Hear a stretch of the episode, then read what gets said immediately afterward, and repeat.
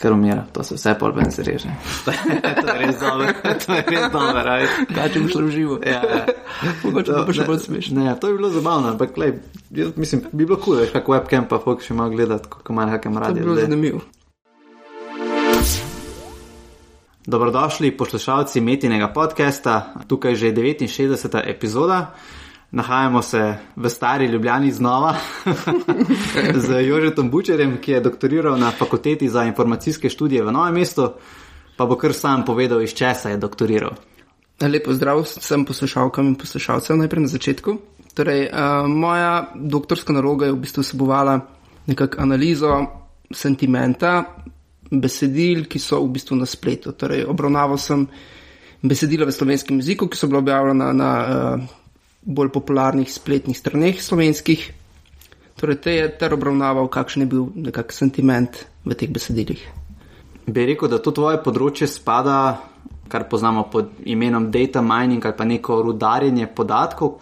Uh, dobro vprašanje. Ja, tole, uh, v bistvu je nekak nek miks nekih področji, nekako najbolj uh, prevladujoče je verjetno res podatkovno rodarjenje oziroma rodarjenje nekih besedil, spletnih besedil, zraven je pa še mogoče povezana seveda lingvistika, pa kakšno programiranje, računalniško, tako, tako da računalništvo nasploh se mi zdi. A si že na prejšnjih stopnjah študija se ukvarjal z računalništvom? Uh, ne, moje prejšnje stopne študija v bistvu niso imele nič veze z dejansko z data miningom, ampak v bistvu moja, um, torej diplomiral sem na fakulteti za gradbeništvo in geodezijo um, v Ljubljani. Pot me je nekako pripeljala uh, do tega študija na ključe. Bil je objavljen razpis za mladega raziskovalca na fakulteti za informacijske študije. Prijavil sem se na razpis in tako, potem bil mladi raziskovalec. A ti je bil težek ta prehod iz nekega bolj gradbeniškega dela proti takem računalniškem? Um, niti ne. Dejansko na fakulteti smo, je nekak študij vseboval kar nekaj, uh, recimo temu vsebine, ki je zajemala mogoče bolj to računalniško informacijsko področje, to pomeni podatkovne baze, uh, programiranje. Tako da z tega vidika ni bilo nekih težav. Me, so me pa vedno nekako zanimali računalniki, um, programiranje. Tako da mogoče iz tukaj eh, gre tudi tisto moje nagnjenje k temu, da sem se usmeril v to področje. No. Kaj pa glede teme?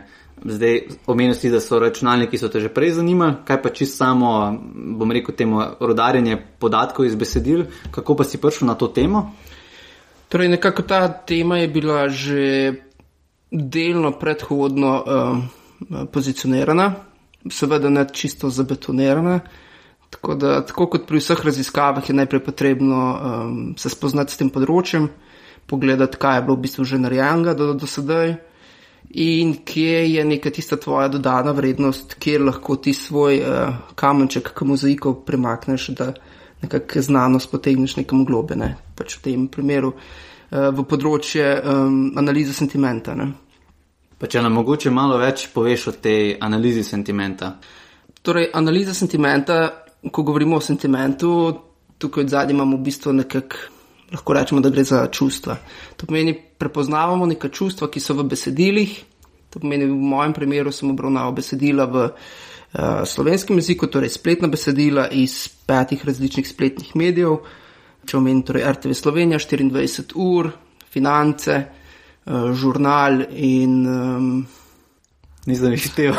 Čakaj, 24 ur, uh, finance, RTV Slovenija, Žurnal. žurnal in dnevnik. Tako je, pet, Evo, eno vse. pet. Tako da uh, v bistvu postopek je potekal nekako tako, da smo uh, najprej je bilo potrebno pridobiti ta spletna besedila, kar pomeni, za vsak spletni medij je bilo potrebno napisati spletnega pajka. Spletni pajki so neke vrste eh, tak software, programček v nekem programskem jeziku spisan, ki ti omogoča, da pridobiš določene, določene besedila, določene tekste iz spleta, nekako na svoj računalnik, ki jih potem lahko nekako analiziraš. Tako da najprej smo naredili te spletne pajke za vsak spletni uh, medij. Potem pa eden takih pomembnejših delov je bilo v bistvu ročno označevanje teh besedil, kar je poteklo kar dobro leto. Torej, to nam je vzelo v bistvu zelo veliko časa.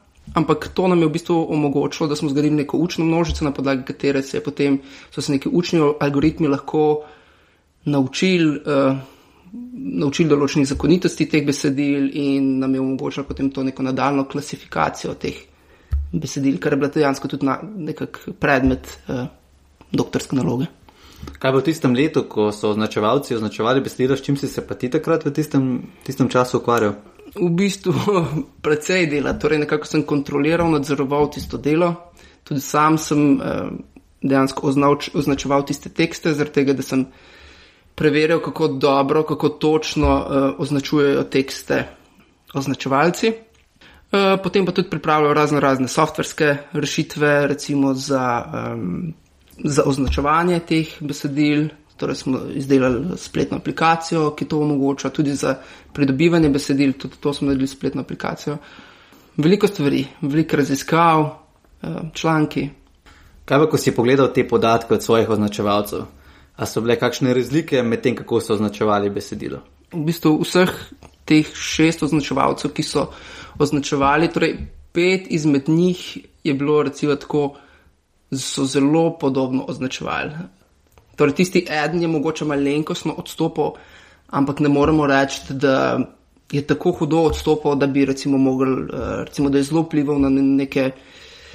Recimo na, na kakovost naših podatkov. Ampak, eh, recimo, tako kot so si jaz, ti, kdorkoli drug, smo si različni, tako je tudi mogoče različen naš uh, označevalec bil in uh, tako, na ta način je potem tudi označeval besedila. Kljub temu, da jim je bilo nekako rečeno, da se probojajo nekako distancirati od tega, ko označujejo besedila, da se poskušajo nekako um, dati v kožo nekega poprečnega slovenskega spletnega uporabnika, tako da nekako uh, svoja lastna prepričanja nekako pustijo na strani in uh, probojajo čim bolj objektivno, kakor se da le objektivno to um, označiti. Čeprav vedno, ko, ko govorimo o čustvih, je vedno biti težko objektiven.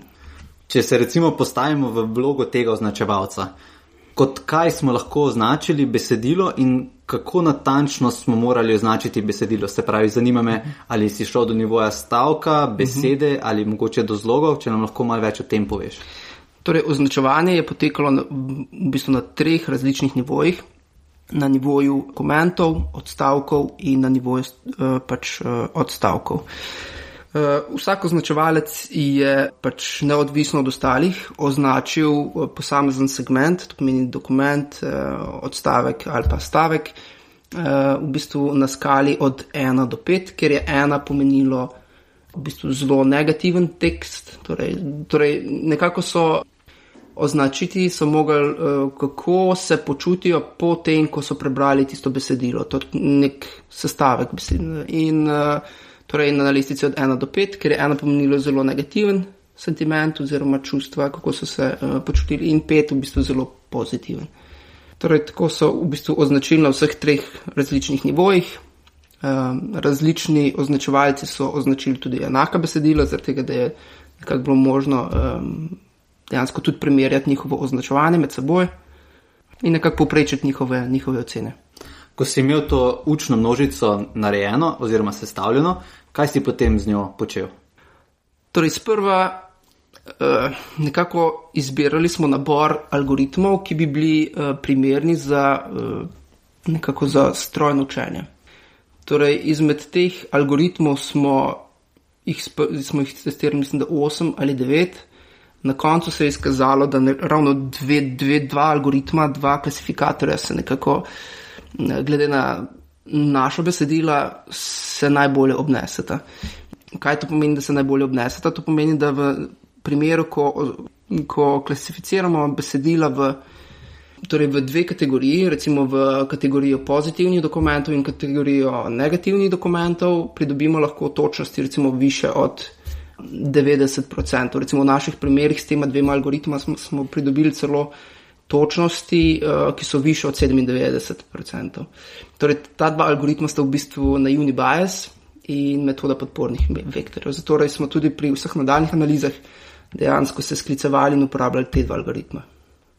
Kolikor sam poznam te algoritme, popravim me, če se motim, mislim, da metoda podpornih vektorjev uh, bazira na neki ravnini med različnimi tako. razredi podatkov. Tako je, in, na hiperravnini, tako je. In bias na pogojni verjetnosti. Tako je. Se pravi, različna principa, ampak zelo, končni rezultat pa. Dejansko zelo podoben. Okay. Z vidika točnosti in uh -huh. z mhm. vidika tudi torej drugih mer točnosti, to ni recimo neka accuracy točnost, ni edina mera, so tudi druge mere. Uh, ampak na podlagi različnih mer smo pridobili podobne rezultate. Tako da to je tudi en fajn stvar. Ne? In če nam zaupaš, glede tvojih rezultatov, kaj, kaj se tebi zdelo najbolj zanimivo? Torej, kot že omenjeno, prva stvar nam je bila, da bi pridobili čim bolj točne rezultate z vidika torej, um, klasifikacije dokumentov. Torej, kot sem že omenil, z vidika, um, ko klasificiramo dokumente v dva razreda, pozitivne pa negativne, uh, nekako dobimo točnost 97-98%, kar je izjemno dobro tudi na svetovni ravni. Mogoče še bolje pa je, ko smo recimo klasificirali dokumente v tri razrede, da smo zraven, poleg pozitivnih pa negativnega, torej pozitivnega pa negativne kategorije, zraven dodali še v bistvu neutralni, eh, neutralno kategorijo.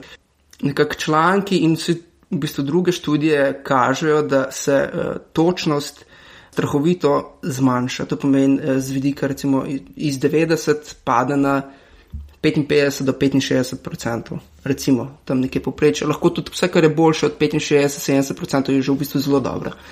No, v našem primeru pa smo dobili celo točnosti um, v bistvu s tema dvema algoritmoma. Tam okrog 77-78 odstotkov, kar je bil zelo dober rezultat. Potem eden uh, izmed drugih, mogoče um, zelo zanimivih rezultatov je bil tudi ta, v bistvu je mogoče uh, kar že tako intuitiven, ampak um, v praksi to dejansko ni bilo nikoli fizično potrjeno. Torej, da rezultat je pa v bistvu tak, da besedila, če pogledamo dokument, tako kot je, od recimo prvega ločila, mislim od prve velike začetnice do, do zadnje pike, je nekako da sentiment uh, skozi dolžino dokumenta, če si nekako predstavljamo, nekako zgublja na svoji intenziteti. Torej, ko govorimo recimo, uh, dokumente, ki so bili ročno označeni kot pozitivni ali pa kot negativni. So se recimo tisti, ki so bili ročno označeni kot pozitivni, so se uh, ti dokumenti začeli izrazito pozitivno, to pomeni, verjetno je bil kakšen na začetku naslov ali pa nek, nek uvod, zelo nek tak uh, pompozen, mogoče celo mal pretiran. Torej je pretirano izražal tisti pozitiven sentiment, uh, tekom dolžine dokumenta se je pa ta um, nekak sentiment razvodenil. In to gre enako za pozitivne, kot za negativno ročno označene dokumente. Medtem ko tisti dokumenti, ki so bili pa označeni kot neutralni, je bil pa ta uh, v bistvu sentiment nekako se ni spremenil tekom dokumenta. Kakšne so bile pa razlike med posameznimi spletni, spletnimi stranmi, ki so te članke objavljale? Eh, izkazalo se je, v bistvu to nas je tudi presenetilo, da recimo 24 ur in RTV Slovenija objavljata zelo v primerjavi z drugimi mediji, bo tako rekla, dost negativne vsebine. Medtem ko recimo finance, pa pozitivne, kar nas je malo kar presenetilo. Eh, čeprav eh, glede na druge študije je tako, da recimo drugi mediji poročajo zelo, če recimo se osredotočajo na neke ameriške medije ali pa britanske, recimo ta delež negativnih, negativnih vsebin je recimo tudi presega 90%. Pri nas, hvala Bogu, ta delež še ni tako visok, upamo, da tudi ne bo. No. Pri nas je pa recimo tam okrog 50% če nekako generaliziramo vseh teh pet medijev. Ne.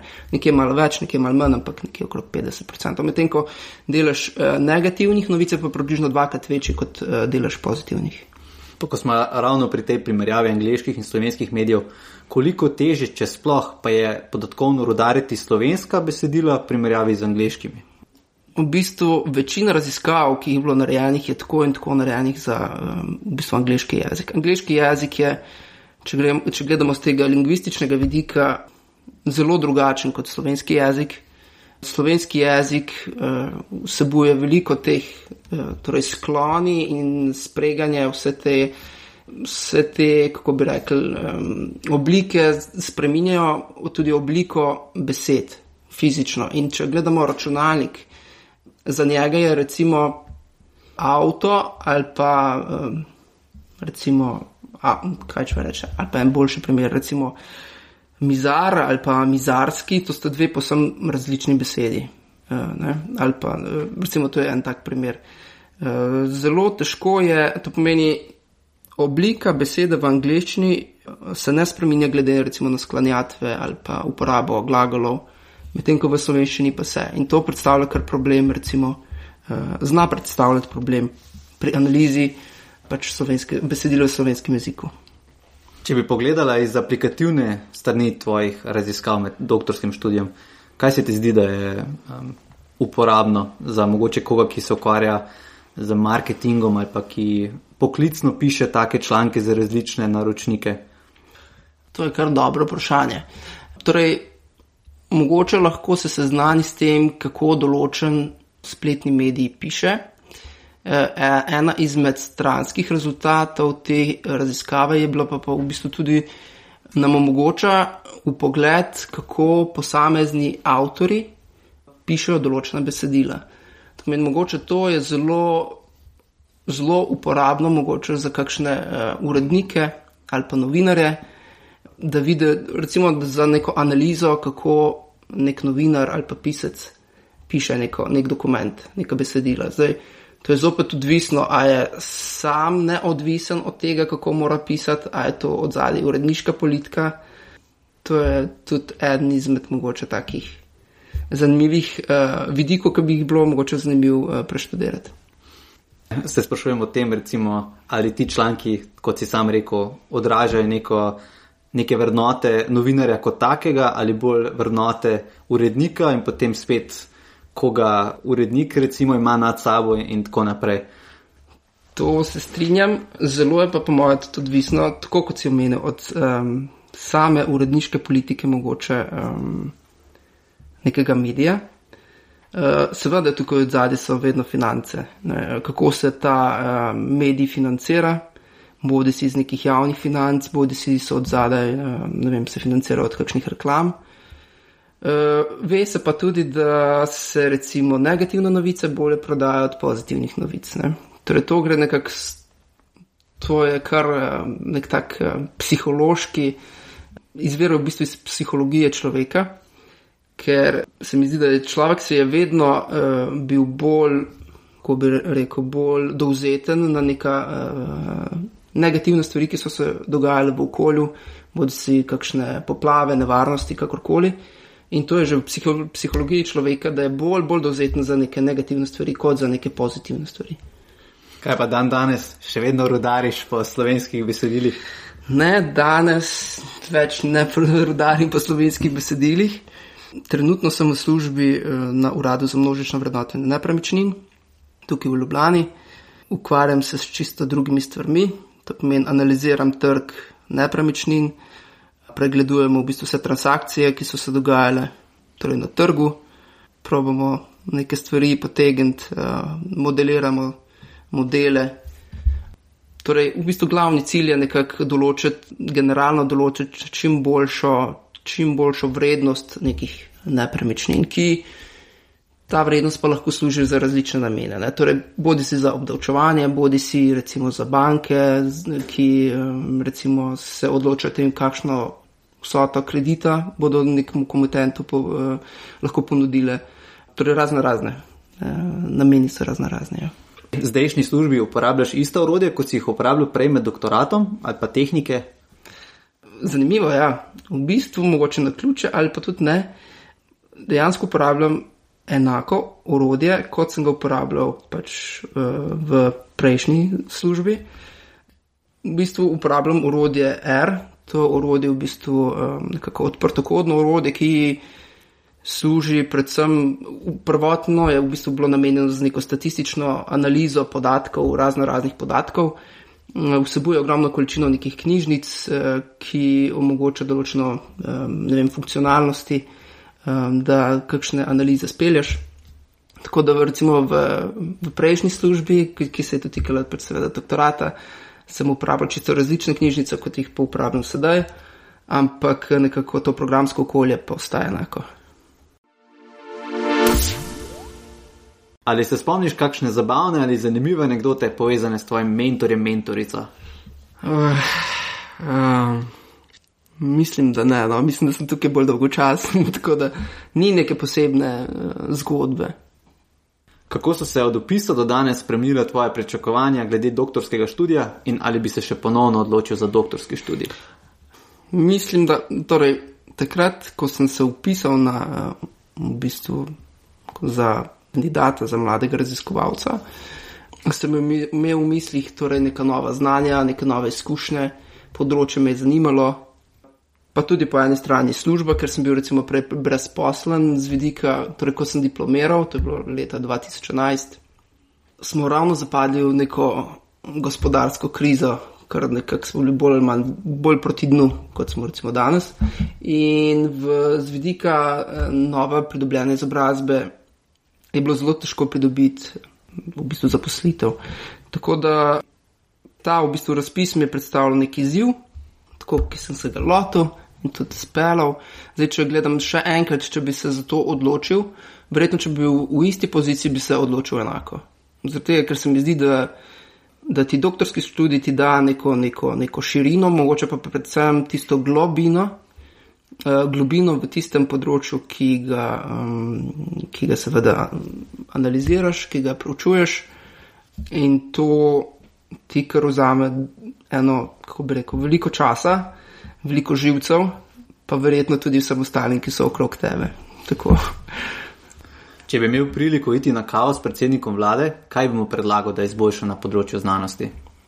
Predlagal bi mu, da se mogoče bolj zauzame za mogoče promocijo znanosti, za um, mogoče tudi, da finančno podpre ali pa vsaj omogoči nekak preboj teh mladih, mladih zanesenjakov, mladih raziskovalcev, ker se mi zdi, da v Sloveniji je veliko, veliko potencijala na tem področju. Vem, no, vse zadnje se lahko vidi, koliko um, start-up podjetij je bilo ustvarjenih uh, strani nekih slovenskih uh, mladcev. Zdi, zdi se mi, da imamo zelo dobro javno šolstvo in mogoče bi bilo fajn, če bi to šolstvo še nekako povezali z gospodarstvom in bi bila to nekako dobitna kombinacija, no? Ki bi prenašala neko dodano vrednost ki bi se še bolj izražal v tem, recimo, če tako pogledamo gospodarsko, v nekem izvozu. Bi drugim doktorskim študentom predlagal kakšno tehniko za upravljanje s časom ali pa morda računalniški program, ki ti olajša delo in prihrani čas? Mislim, da bližnjic ni, no, kar se tega tiče. Vsak, ki se loti te naloge, um, se mogoče mora zavedati, da, da to je kar tako kot sem prej omenil, no, um, vzame veliko časa, veliko truda, ampak ta trud je potem poplačan, ko greš enkrat čez to barijero svojo. Mislim, da mislim, v mojem primeru uh, je bilo tako, da sem večina uh, raziskav naredil preko noči, takrat, ko sem imel največ časa. Tako da to je, to je recimo ustrezalo v meni, v mojem primeru. Zdaj ne vem pa, od osebe do osebe je po mojem drugačno. Si si zaradi tega kaj prikrajšal čas spanja ali si si enostavno drugače razporedil delovne ure? Uh, dejansko se mi zdi, da sem v tem obdobju manj spal. Ja. Recimo, po mojem, v povprečju 5-6 ur ali pa še manj. No. Verjetno v zadnjem obdobju še manj. Ampak uh, v bistvu se da, telo se prilagodi temu, čeprav bi rekel, da dolgoročno mogoče to ni najbolj zdravo. No. Imaš kakšno priporočilo za knjigo, igro, film, spletno stran, podcast? Pred časom sem bral eno zanimivo knjigo, ki opisuje, uh, mislim, da 52 zmot, ki jih delamo v vsakdanjem življenju. Ne vem točno, kako je naslov, ampak uh, opisuje v bistvu zanimive stvari, ki jih delamo v vsakdanjem življenju. Torej, to mogoče tudi aplicira na tisto vprašanje, kot si rekel, kako si organizirati čas. Se mi zdi, da mogoče um, veliko ljudi zapravlja čas z nekimi stvarmi, mogoče na katere sploh nima vpliva, ali pa se sekera, recimo, temu brez veze, na kar sploh nima vpliva. Tako da uh, je pa treba iti, recimo, korak za korakom. Recimo, če vidiš, kakšne stvari treba razrešiti, stvar za stvar, posebej. Ne? Koga od nam znanih ali neznanih bi povabil na večerjo, če ne bi bilo prav nobenih omejitev? Kot prvega bi se kar držal, tako kot so prejšnjič rekla, dejansko. Kot prvega bi izbral egiptovskega faraona, Ramzesa II. Uh, razlog, zakaj bi ga dejansko, um, iz, zakaj sem ga izbral, je zaradi tega, ker uh, me zanima, kako dejansko je poteklo življenje takrat, v tistem času, kakšen je bil sistem takrat in kaj bi rekel na današnjo demokracijo. Torej, me zanima, če bi bil sploh všeč ta sistem, to je kot prvo, dvomim sicer, ampak ok. Uh, druga oseba bi bila pa um, Hišam El Garuš, To je pa v bistvu uh, zelo znan maroški tekač v teku na 1500 metrov in tudi daljše discipline. Uh, to pa v bistvu izhaja iz moje uh, nenehne ljubezni do teka. Torej, kot mlad sem v bistvu bil reprezentant v reprezentanci Slovenije na teku na srednje in dolge proge. Tako da torej, tek je od nekdaj bil del mojega življenja in um, verjetno bi ga zaradi tega povabil. Ja. Najlepša hvala, Jože. Hvala tebi. Poslušali ste Meta podcast. To je oddaja, v kateri se pogovarjamo z mladimi znanstveniki in znanstvenicami z različnih področji znanosti. Podcast domuje na spletišču metina.si, kjer najdete tudi druge zanimive znanstvene vsebine. Naše delo lahko podprete z donacijo Metini listi. V zahvalo boste prejeli izvod knjige Zanimiva, navdihujoča, uporabna, ki smo jo izdali ob koncu druge sezone podcasta.